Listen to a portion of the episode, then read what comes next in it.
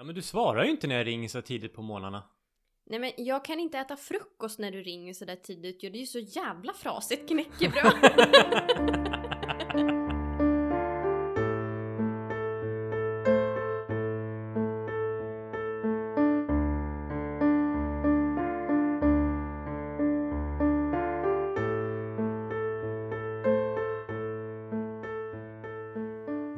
Välkommen till ett nytt avsnitt av Soul River Podcast med mig Jimmy. Och med mig Sara. Ja, då var vi här igen. Ja, vi är ju det. Och eh, mitt i veckan, det, är ju inte, hör ju inte till vanligheten. Det är ju onsdag idag. Eh, och vi släppte ju Doga-avsnittet igår. Mm. I vanliga fall spelar ju vi in på söndagar. Men nu blev det så här. Precis, vi kände att vi ville... Ja, idag passade det bäst att spela in helt enkelt. Så att det är väldigt tätt inpå. Mm. Ehm, nu kan vi inte fråga hur veckan har varit. Så att, hur mår du? Jag mår, jag mår bra tycker jag. Ehm, Jag har tagit semester imorgon och på fredag så att det blir, blir långhelg nu. Så det känns skönt faktiskt. Shit vad lyxigt. Mm. ja, lite mitt i veckans semester. Ja. Det, det var ganska oväntat kan man säga. Ja. Mm. Hur mår du?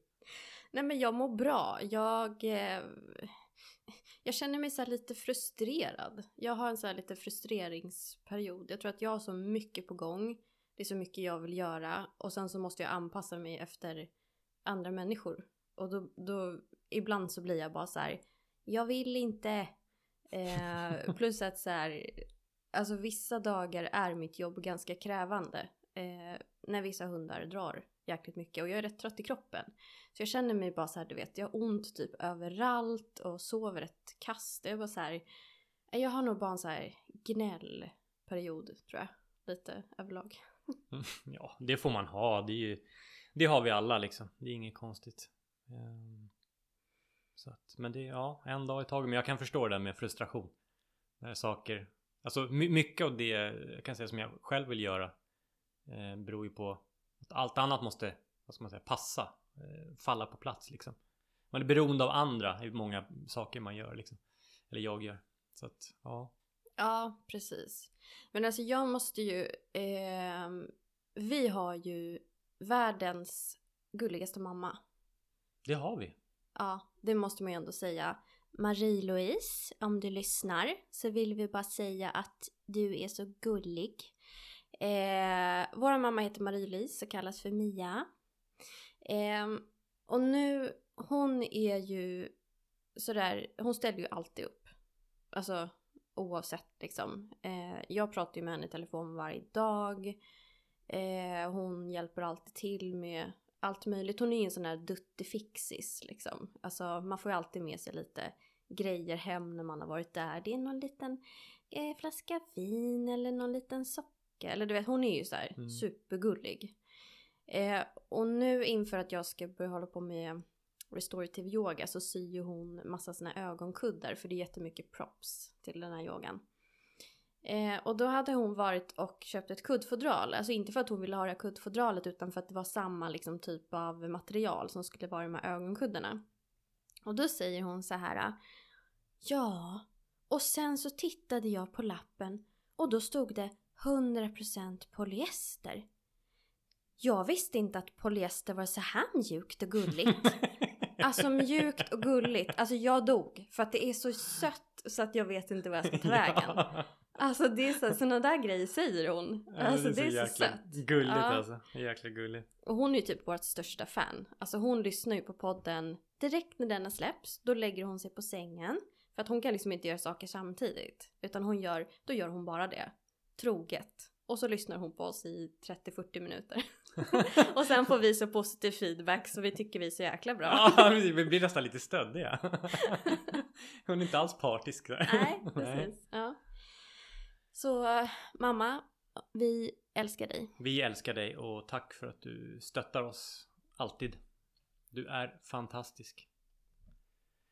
Ja, dagens ämne då. Medberoende. Mm. Eh, vi tyckte ju att det var på sin plats att, att ta upp det. Eh, jag tror att de flesta har stött på det här någon gång i livet. Antingen så är man själv medberoende eller man kanske har eh, bott med någon som är eh, medberoende. Och eh, jag tror de flesta kanske vet vad det är. Men vi kände lite så här att det här eh, cirkulerar i våra liv också. Så att eh, vi, vi vill ändå ta upp det på, på ett ganska lättsamt sätt. Jag eh, pluggar ju till terapeut så det här ingår ju liksom lite också i min, min utbildning. Så att jag kommer ju sitta och bläddra lite papper idag för att jag måste ha lite stödord så att inte jag sitter här och snackar massa gallimatias. Eh. jag, tycker det här, jag tycker det ordet är så jäkla roligt. alltså vet du att jag aldrig använder det ordet och sen helt plötsligt nu, det här är så typiskt när jag pratar. Det bara kommer ju in saker. Riktig ordbajsare alltså. ja, jag vet. Jäkla roligt. Jag hade inte, jag, jag hör, fick höra om det alltså för det var någon kollega till mig. Jag hade inte hört det. Alltså det här kanske är, nu, nu, nu, nu kanske det är 10-15 år sedan i och för sig. Men han sa det någon gång och jag tänkte Va? Vad sa du? Galimatias? Vad fan är det? Jag hade liksom inte hört det men, men nu använder jag det själv ibland. I viss, för du, det är inte ofta. Men i vissa fall då bara, då dyker den upp så här, helt mm. oväntat. Det är ett roligt ord alltså. Ja. ja, det är lite som att man är lite pippi. exakt så. Lite pippi. Ja, jösses. Ja. Mm. Ja, men jag tänkte berätta lite då, eh, alltså vad medberoende innebär. Eh, och eh, medberoende bygger ju på anpassning. Eh, och om man har levt till exempel i en dysfunktionell miljö under en längre tid eh, så kan man gå in i medberoende. Eh, det kan ju vara att man kanske lever med en partner som är väldigt dominant eller liksom att man, ja men lite det här börjar tassa på tå. Eh, och en vän till mig och jag myntade ju uttrycket torka bänken. Eh, det vill säga lite det här att man, man går och städar och putsar och fejar och grejer och så håller man bara igen allting som man egentligen känner. Eh, för att man stänger av sina behov, sina egna behov och sina känslor när man är medberoende. Så att man går liksom bara in i anpassning så vad man själv behöver, det spelar liksom ingen roll längre för det har man tryckt undan. Eh, man kan ju också vara medberoende till en annans medberoende. Det är intressant. Och här börjar det bli sjukt. Ja, för då är det ju så här till exempel.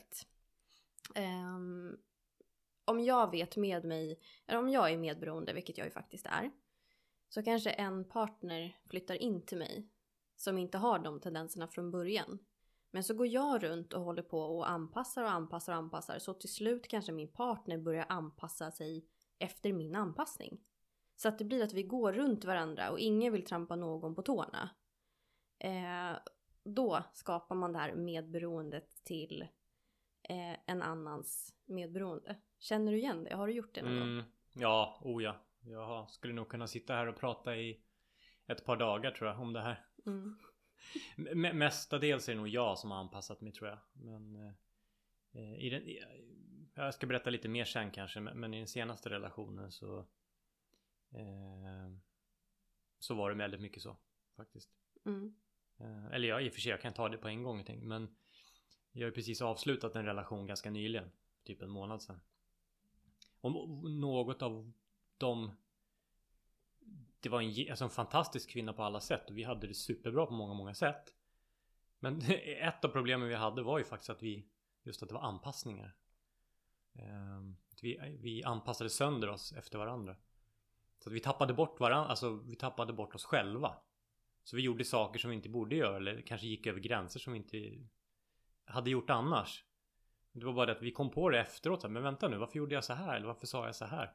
Och så vart ju det nästan Då kunde vi diskutera det så bara Men gud det här är ju inte Det här är ju inte, det här är inte bra Så det var mycket sånt där som kom, kom upp till ytan så att, Men ehm, Så det är lite Det är ganska skrämmande hur lätt det är att tappa bort sig Sen har jag ju varit alltså medberoende i alla mina förhållanden så, Torka bänken liksom Det är ju Det är ju jag deluxe Och så lite konflikträdd då såklart ehm, Och varit med ganska starka partners som haft väldigt liksom starka åsikter och bestämda. Då blir det ju definitivt torka bänken för mig. Då har jag ju stått där och bara hållit tyst och sen så efteråt så bara, men Då kommer det här lite här passiva aggressiva aggressiviteten du vet.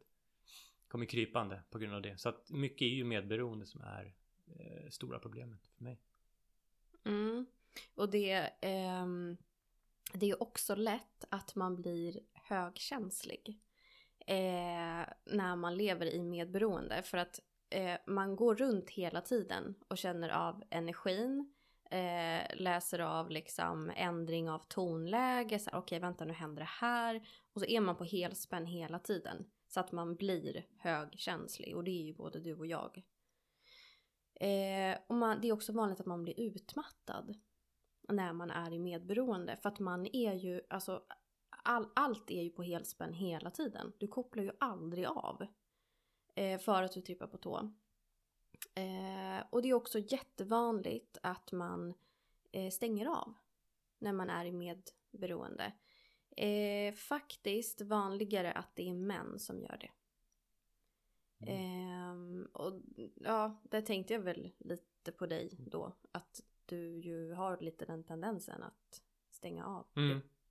Jo men lite som vi pratade om. Mm. Att därav det här på och av.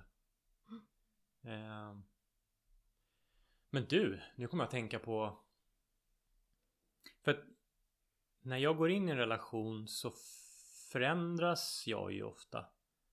Eh, alltså vilket, eh, vilket alla gör kanske på ett eller annat sätt. Men jag förändras ju säkert för att jag går in i anpassning. Jag är ju inte mig själv utan jag är ju eh, lite, jag blir ju någon annan eller bilden av vem jag tror att kanske min partner vill att jag ska vara. En bild som jag bygger upp men det är ingen som har den förväntningen på mig utan det ligger ju hos mig så att säga. Eh, och när jag går ur en relation så kan jag oftast eh, Oftast ska jag säga inte alltid men det har hänt i alla fall tidigare Tidigare i historien att jag har liksom gått ut och bara känns som att en stor sten har släppt från mina axlar. Och det är inte så konstigt kanske då om om jag anpassar mig, för det är ganska jobbigt att gå runt och vara, någon annan än sig själv. Eh, och sen när jag går ur förhållandet då kan jag säga åh, nu kan jag andas och slappna av. Eh, och då är det svårt att leva autentiskt, vilket jag typ står för. Det är min signum så här, att vara sårbar och äkta. Men det blir ju inte riktigt det då. Det är lite falsk marknadsföring. Mm, ja, verkligen. Nej, men alltså, det är ju, det är ju jättesvårt det här. Jag har ju också fått höra det att eh, ja, som för flera år sedan då, att man inte riktigt vet vem jag är för att jag spelar så många roller. Och det handlar ju också om att man försöker gå in i anpassning till den personen man är med just då. Så här, vad tror jag att den här personen behöver och vill, hur vill den att jag ska vara? Och den personen är såhär, jag vet inte vem du är. Och då blir man ju kränkt för man känner så här, ja men jag visar ju det här hela tiden fast man, man spelar ju bara. Så det är som du säger, man blir ju helt slut. Och då kommer ju oftast det här, nej jag ska nog inte vara ihop med någon, jag passar inte att vara i relation. Den etiketten sätter man ju på sig själv då. Så här, jag ska nog vara singel för att jag, jag, jag mår inte bra i relation, det, det funkar inte. Och sen så här, mm, okej, okay, men vänta lite här nu. mm. Ja men verkligen, och det, det blir jättekonstigt. Och det kan jag ju känna igen mig också, mm. verkligen. Det här att det är så som du säger, det är lätt att bara Att jag inbillar mig att ja men jag ska nog vara själv. För att, och det är ju egentligen en flykt. Eh, för det är lite som, som eh, mitt, eh, eller min vän Maria sa att det är tillsammans med andra människor till, i relation till andra människor som du kan utvecklas. Så att, att, bara sitta helt själv i ett hörn och ja, men typ åka upp i bergen och meditera och kanske inte relatera till andra människor, då kan du inte utvecklas. Mm. Men i mitt huvud så känns det som att Ja men det är klart, det är bättre att vara själv. Alltså just nu behöver jag ju det men Men det är ganska intressant att direkt går jag Jag kan i alla fall från mitt perspektiv Jag går in i flykt direkt Nu ska jag vara själv och eh, jag ska aldrig vara med någon för att jag ska isolera mig som en munk och eh, Skaffa en papegoja som heter eh, Patrik och vi ska samtala hela dagarna Det blir liksom direkt så här, det slår över, det blir nästan lite fjantigt. Men det händer i mitt huvud och det går så fort. Det, är liksom, det räcker med att men nästan bara trycker på knappen så här, nu ska vi lägga ner eller det är något bråk i relationen. Då bara, ja, då har jag redan packat väskorna. Jag ser allting framför mig, hela förloppet. Det tar några hundradelar bara, så bara pang! Så har jag, står jag på tågstationen ungefär liksom. Och sen bara, men vänta nu. Det här är ju en riktig flyktbeteende liksom. Um, men då, jag börjar förstå, eller det känns så nu när du berättar lite att det är knutet till det här äh, lite den här medberoende grejen liksom att Eh, då kommer den riktiga sidan fram så här, åh nu ska jag fly och vara själv för det är jobbigt att vara i en relation. Ja fast det blir ju lite vad man gör det till. Konflikträdd, check. Liksom medberoende, check. Mm, kanske inte rimmar så bra. Man kanske behöver liksom man up och bara så här, du, nu är det så här, så här känner jag och stå för det. Och det har jag ju börjat kunna göra nu men det har tagit så fram tills typ nu. Där jag verkligen kunnat stå i det. Liksom. Um, så att eh, jag hoppas ju att jag ska kunna vara mer sann och äkta och inte lika medberoende framöver. Det är min förhoppning och därav på min resa jag är nu. Som jag, började, som jag nämnde lite lätt tidigare i förra avsnittet. Eller förra, förra. Um, så, ja. Mm, nej men alltså det är ju Alltså att du ändå har sån insikt. Alltså det är ju ett jätte jättesteg på vägen. För det finns ju jättemånga som är medberoende som inte har en aning om det. Och som sen får höra om medberoende och blir så här, men det är ju jag. Eh, och, och nästan blir helt knäckta. Så att jag menar att, att ha den insikten, då har man ju kommit långt. Um, jag ska också nämna att det är vanligt eh, med svartsjuka och att man har svårt med tillit. Och det, lite där hamnar ju jag i den kategorin. Alltså att det blir mycket drama, det blir mycket så här, man eldar på saker så mycket och det är ju också ett sätt att fly. Alltså att man så här, skapar problem eh, som kanske egentligen inte finns eller egentligen inte är några problem. För att eh, man, man eldar på för att man på något vis vill ha rätt för det måste ju vara någonting som är fel. Och så i mitt fall då som har lätt för att gå till svartsjuka och allt det här. Så blir det också så här, då har jag också packat väskan i mitt huvud. När det uppstår en konflikt. För att jag har ju också, jag tar till flykt. Direkt. Liksom. Så att, ja det finns många takes på det här. Mm. Ehm, jag tänkte berätta lite eh, hur det kan vara att leva med en eh, medberoende. Eh, för att en medberoende är ju beroende av anpassning. Så att den vill ju anpassa sig hela tiden. Så att även om det blir så att den inte behöver anpassa sig lika mycket så brukar den hitta nya personer som den kan anpassa sig till för att det är ett beroende. Alltså man är beroende av att anpassa sig. Eh, väldigt vanligt att de curlar och eh, ger tjänster som ingen har bett om. Det vill säga de tar bara över. De här som bara kliver in. Liksom.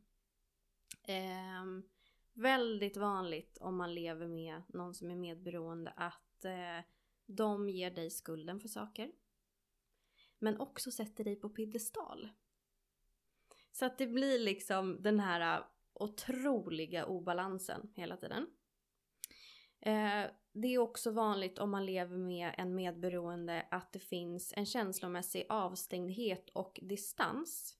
Att personen har svårt att känna närhet i relationen. Så att ehm, för den personen som är medberoende har ju inte tillgång till sina känslor för den har ju stängt av sitt känsloregister.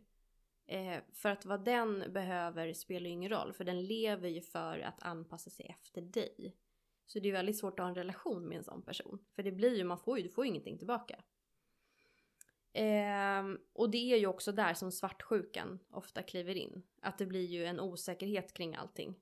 Eh, I den här dysfunktionella relationen. Just det. Shit. Ja. Pedestal och samtidigt bara jaha. Där, där är vi tillbaka till den här som jag berättade om i första avsnittet tror jag. Det här med att jag Nej men jag hämtar dig klockan tre i natt. Inga problem. Ring bara. Och sen så bara mm, Why you little asförbannad bara griner tjurig för att jag måste åka och hämta person. Alltså det är gud. Ja där har vi ju, där har vi det ju liksom. Mm. Oh, vilket smutsigt ämne. Ja, alltså, jo, men alltså, jag ska säga det också att så här, lyssnar man på det så kan man ju absolut bli triggad. Eh, det är inget lätt ämne. Eh, det är jäkligt tungt för att det innehåller så otroligt mycket. Men jag tycker att det är viktigt. Alltså det är viktigt att lyfta det liksom. Bara att man får syn på det. Eh, så man kanske kan göra en förändring. Ehm, men jag tänkte ta upp lite situationer där medberoende kan utvecklas. Och jag säger kan, för att det behöver inte vara så, utan det är så här, det kan. Eh, och det kan ju vara om man är uppvuxen med en förälder som är beroende. Och då pratar jag om liksom men, alkohol eller den typen av. För som barn där så är det ju lätt att man går in i anpassning till sin förälder som eh, har problem. Alltså att man lär sig att säga nej jag får inte väcka pappa när han liksom ligger däckad på golvet för då blir han arg och så, ja, så skapar barnet den här äh, anpassningen runt sin förälder och blir medberoende. Eh, samma sak om man är uppvuxen med en förälder som är medberoende så kan man också själv bli medberoende. Eh, så till exempel om om du växer upp där pappan är, ja men säg alkoholist och ligger däckad. Mamman tassar på tå kring honom. Och då kan barnet också anpassas efter typ mamman då. Eller efter... Mm. Ja, efter, ja mm. precis. Så blir det va? Precis. Jag försöker bara se bilden framför mm. mig. Eller om det bara är så att man, man kan ju ha en, en liksom standardfamilj mm. men där att en, en av föräldrarna kanske är en medberoende person som, som går och duttar och fixar runt ja, pappan då säger vi mm. till exempel. Och då kan ju barnet eh, se det här och plocka upp det. Och sen så blir det likadant för barnet. Så det är ju samma sak där. Alltså det behöver inte ens vara att liksom den ena föräldern är alkoholist till exempel. Utan det kan bara vara att den ena föräldern är medberoende. Um, men sen också då om man är, växer upp i en dysfunktionell familj med en dominant eller frånvarande förälder.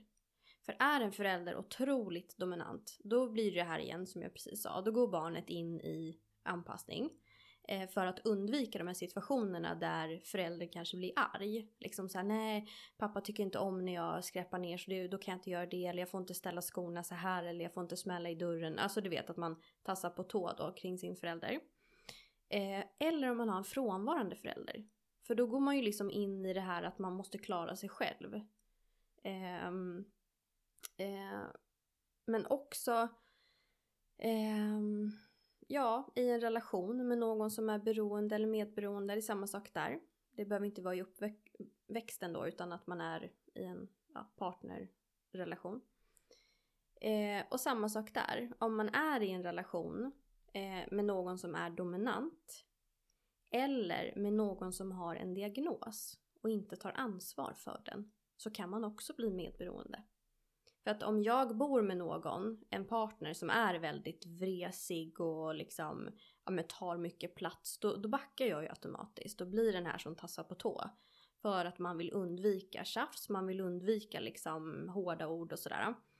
Eh, eller om man lever med någon som ja, men, har en diagnos som inte är utredd men man känner att någonting inte stämmer. Då går man ju också in i anpassning. Så går man ju runt och liksom försvarar kanske sin partner eller Eh, andra kanske ser så här, men det här är, han beter sig lite märkligt liksom. Och själv så går man in och säger nej det är ingenting och så håller man ju på och duttar och fixar runt den. Just det. Mm. Några tankar? Ja, alltså tankarna är väl att eh, jag kan känna igen mig i typ hur många exempel som helst. Genom alla mina relationer under åren. Um, ja, det, det, är väldigt tydligt att se. Alltså jag börjar ju se den här röda tråden. Mm. I och med att allt det här vi pratar om nu. Så det är ju liksom Jag har ju sett mitt i, i, i det jag har gått igenom och, och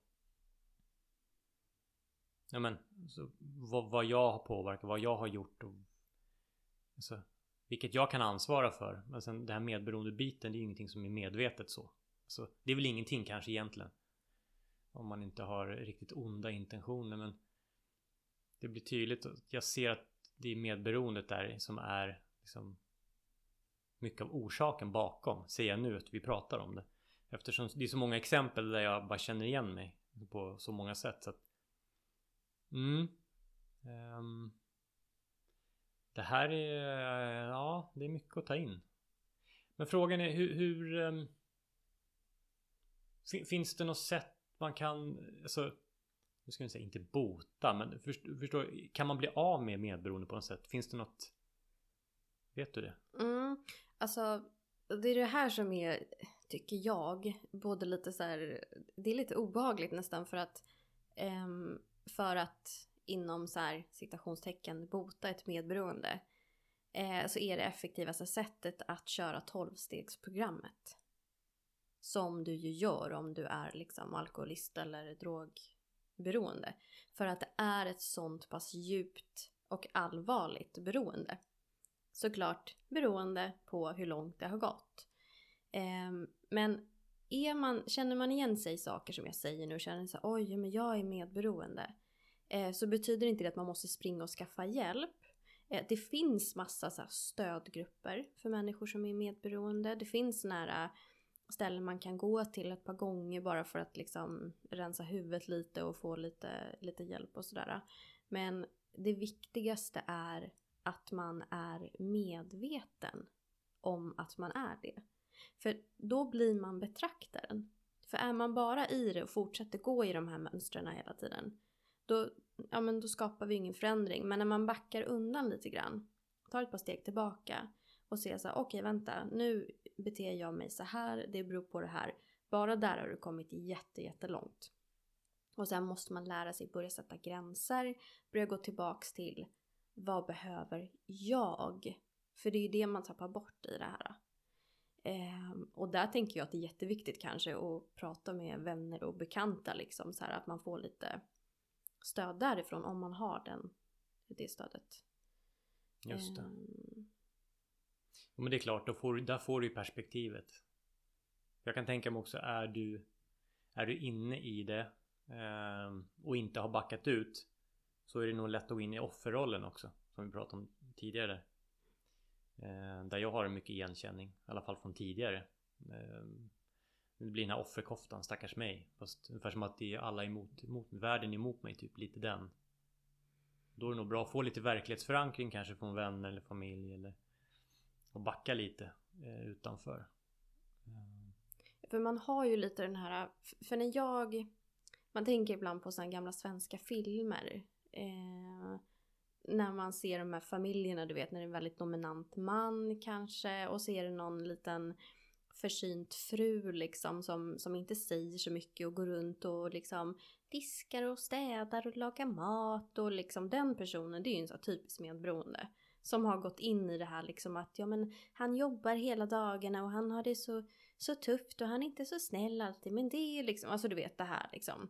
Och den frun går ju in i det här att så här, men, eh, eh, maten ska stå på bordet när han kommer hem för gör den inte det eller potatisen var inte tillräckligt varm eller vad det nu än kan vara liksom. Alltså så att då, då försöker ju hon ordna allting så att det ska vara bra för honom. Eh, men ser ju inte att så här, det här är inte bra. Liksom. Eh, det här är destruktivt. Utan hon ser ju bara det som att det, det är det hon behöver göra. Så, här. så det är ju lite... Ja. det är lite obehagligt alltså. Ja. Och så ser det nog ut på många, alltså i många relationer. Ska mm. jag tro. Olika familjer. Eh, jag tänkte stapla upp lite så typiska drag hos en som är medberoende. Ehm, då är det vanligt att man anpassar sitt beteende och sin personlighet efter andras behov, känslor och beteenden. oh! Magslag. Eh, ah. Den här tror jag också att vi känner oss igen oss på. Ändrar sina egna planer till förmån för någon annan. Mm. Jo då, satt det.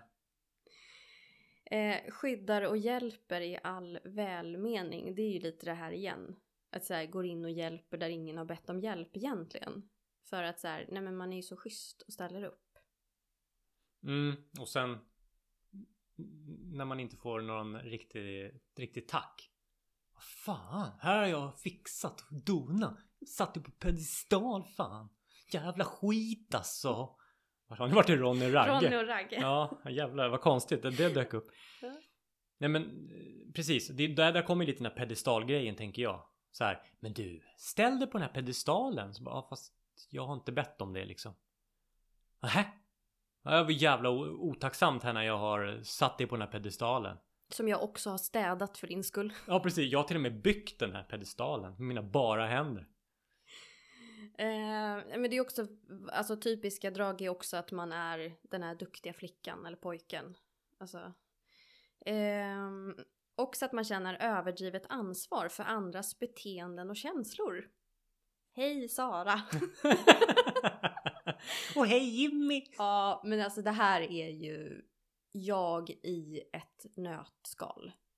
Alltså jag kan ju, jag försöker ju lära mig att så här, stå på mig så att den är foten. Och så kanske jag gör det i en situation där jag tycker så att nej men jag tycker faktiskt inte att det här är okej så nu får jag säga ifrån. Känner mig jätteduktig. Och så blir responsen så här, inte som jag hade tänkt. Nej, men då nu, nej men nu har jag, varför sa jag så där du vet? Och så går man in igen och tar ansvar för så att den personens känslor. När det är så här, men den har ju trampat på mina. Det spelar ingen roll. Alltså. Nej, och då, vad är ditt egna värde då? Alltså så. Vad signalerar du till dig själv i det där läget så här? Ja, ah, nej men, eh, ja just det. För då ger du vika igen och det är som att dina, dina värderingar är inte värda ett skit rent ut sagt. Mm, mm. nej. Eh, löser andra personers problem och ger oönskade råd. de där har man ju ja. träffat på. ja, de kommer som Amors pilar fast i form av råd. Man bara eh, aj, aj.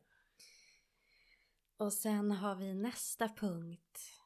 Har ett överdrivet kontrollbehov. Förstår inte vad du menar. Nej. Um, typiska drag är också att man är omedveten om vad man tänker, känner eller vill. Där kan ju jag också hamna. Att jag kan känna så här. Nej, jag, nej nu vet inte jag. Jag vet inte vem jag är. Vad jag, jag känner ingenting. Jag, jag vet inte vad jag vill. Hej då. Alltså. Det är ju typiskt mig. eh, men man har också svårt att sätta gränser. Man har beslutsångest. Mm. Eh, känner ofta vrede, depression, bitterhet, dåligt samvete eller skuld. Ja. Mm. Check på den. Eh, konflikträdd. ja. Jag skruvar lite på mig i stolen här. nu kommer nästa Jimmy. Blir sur vid kritik. Dömer sig själv. Så jävla dålig.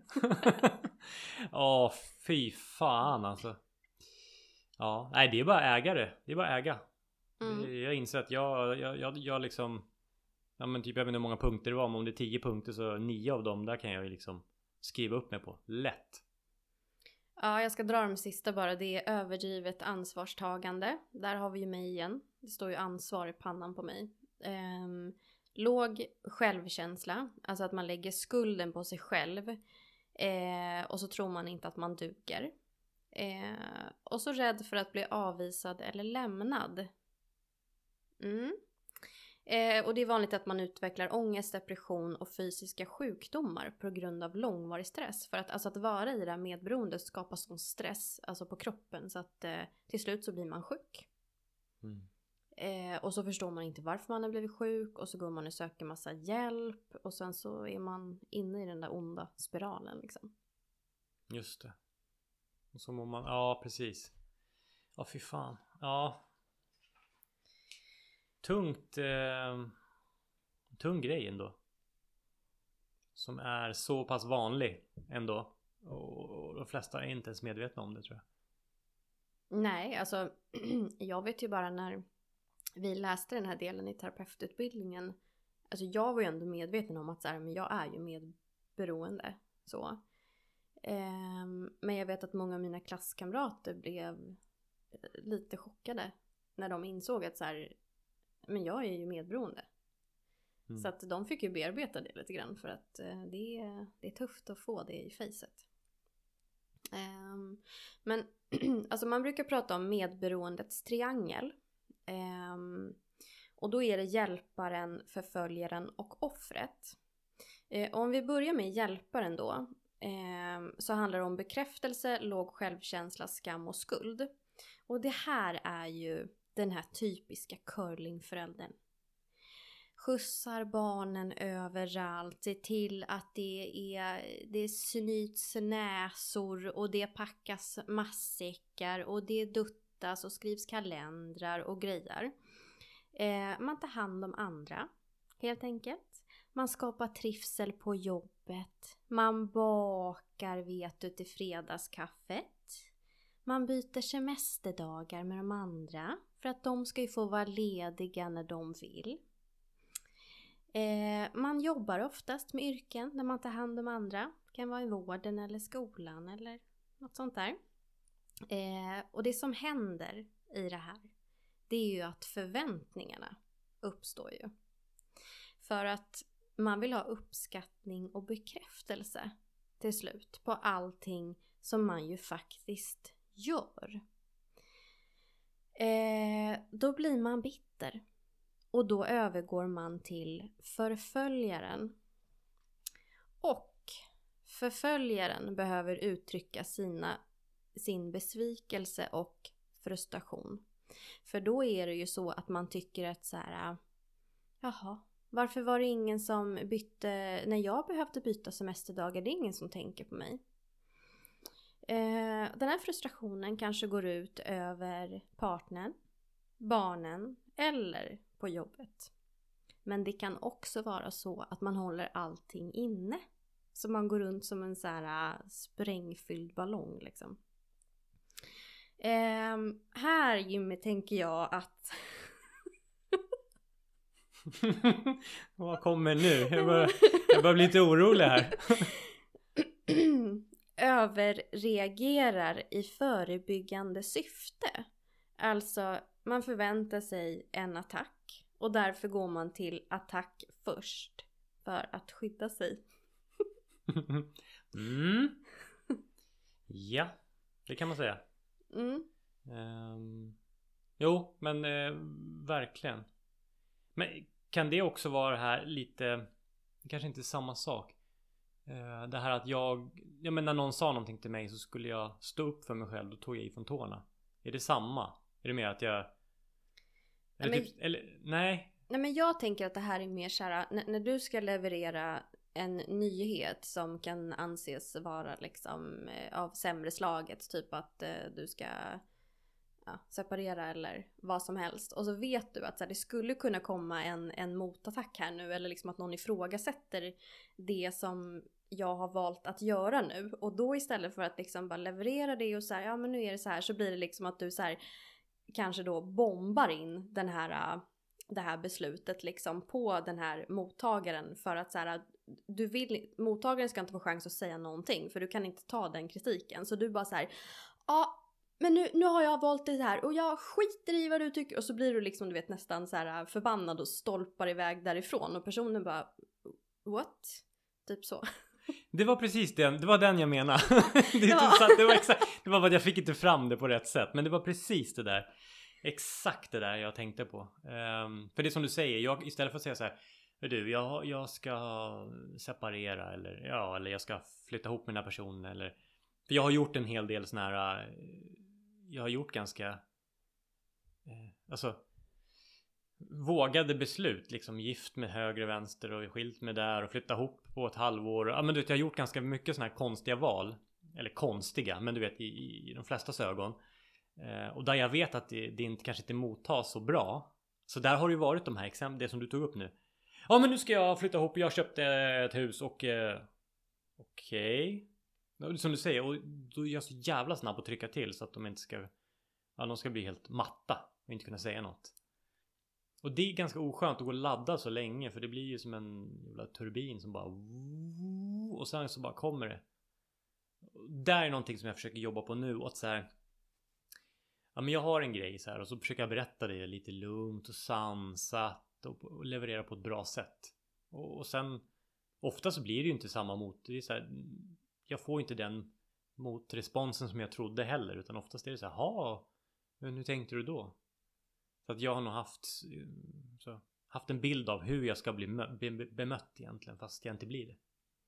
Ja, för där tänker jag att du förr då passar ju in i den här kategorin av att du höll allting inne. Alltså du hade liksom den här frustrationen och besvikelsen men du tog inte ut den på någon utan du, du bara höll den inne istället liksom. Och då kom det ut i den här attacken för du, alltså rent krasst så var det ju så att du berättade ju aldrig någonting för någon. Utan du bara så helt plötsligt från ingenstans kom det någon nyhet som, jaha, du vet. Så det är så här, hur ska man ens reagera när man inte är insatt? Det blir ju så. Men du hade ju bara så här, okej det här måste jag tydligen berätta men jag vill inte så nu bara kastar jag ut det och sen så springer jag åt andra håll liksom. Det är som att du kastar in en liten sån här puff, vad heter det?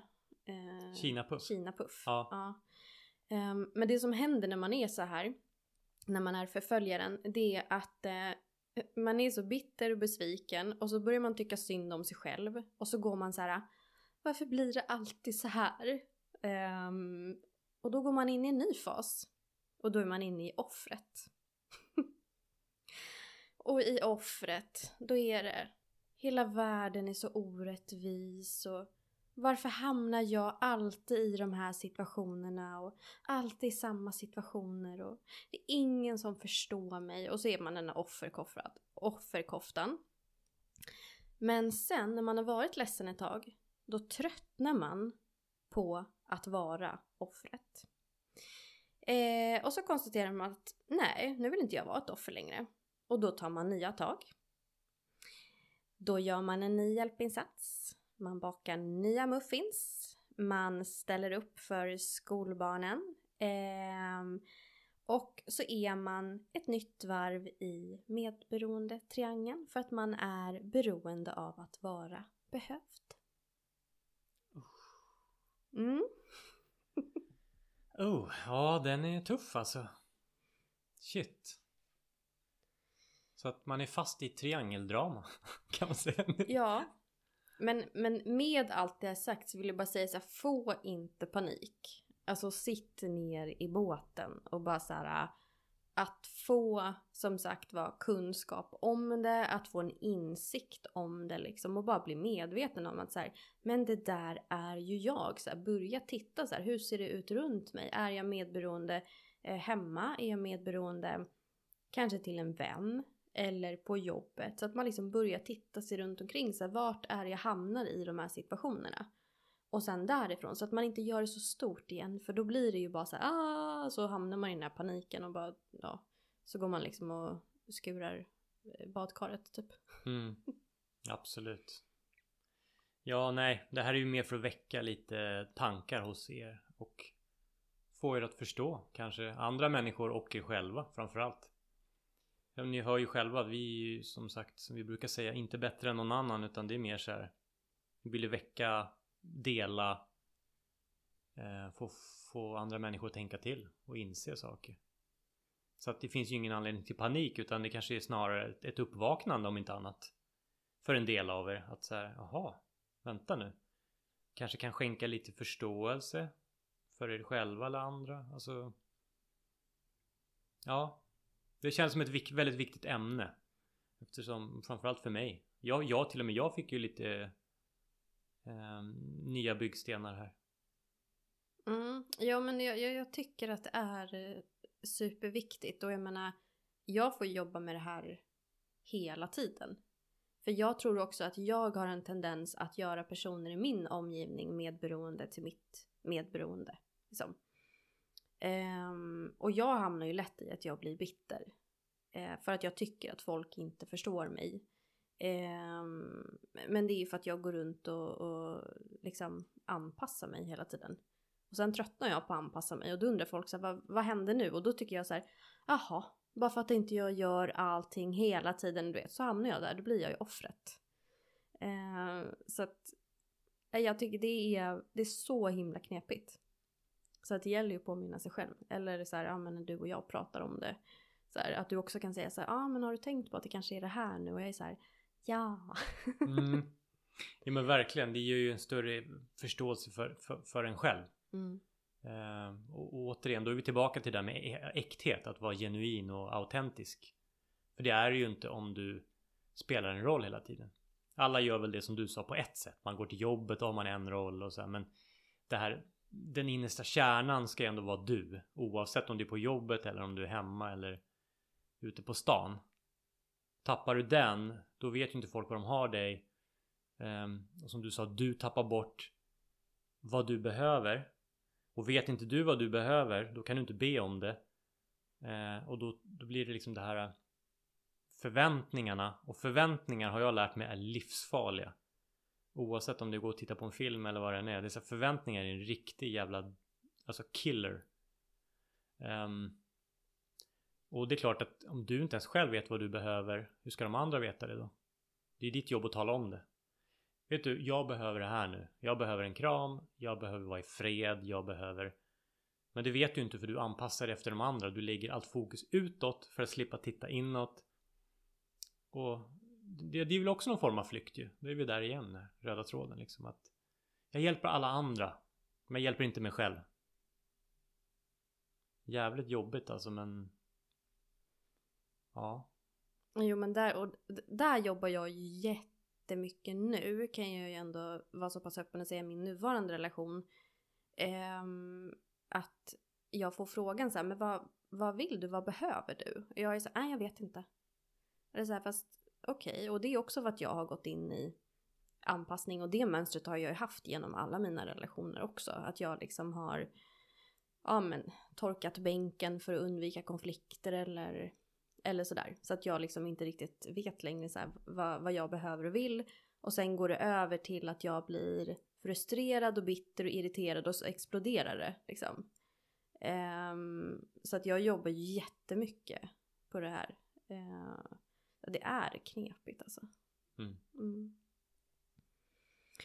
Ja, men eh, det var väl allt för idag. Alltså ni får ju höra av er till oss om det är så att ni, det dyker upp tankar och funderingar nu som, som kanske känns lite jobbigt eller om ni bara har mer frågor om medberoende eller vill ja, säga någonting annat.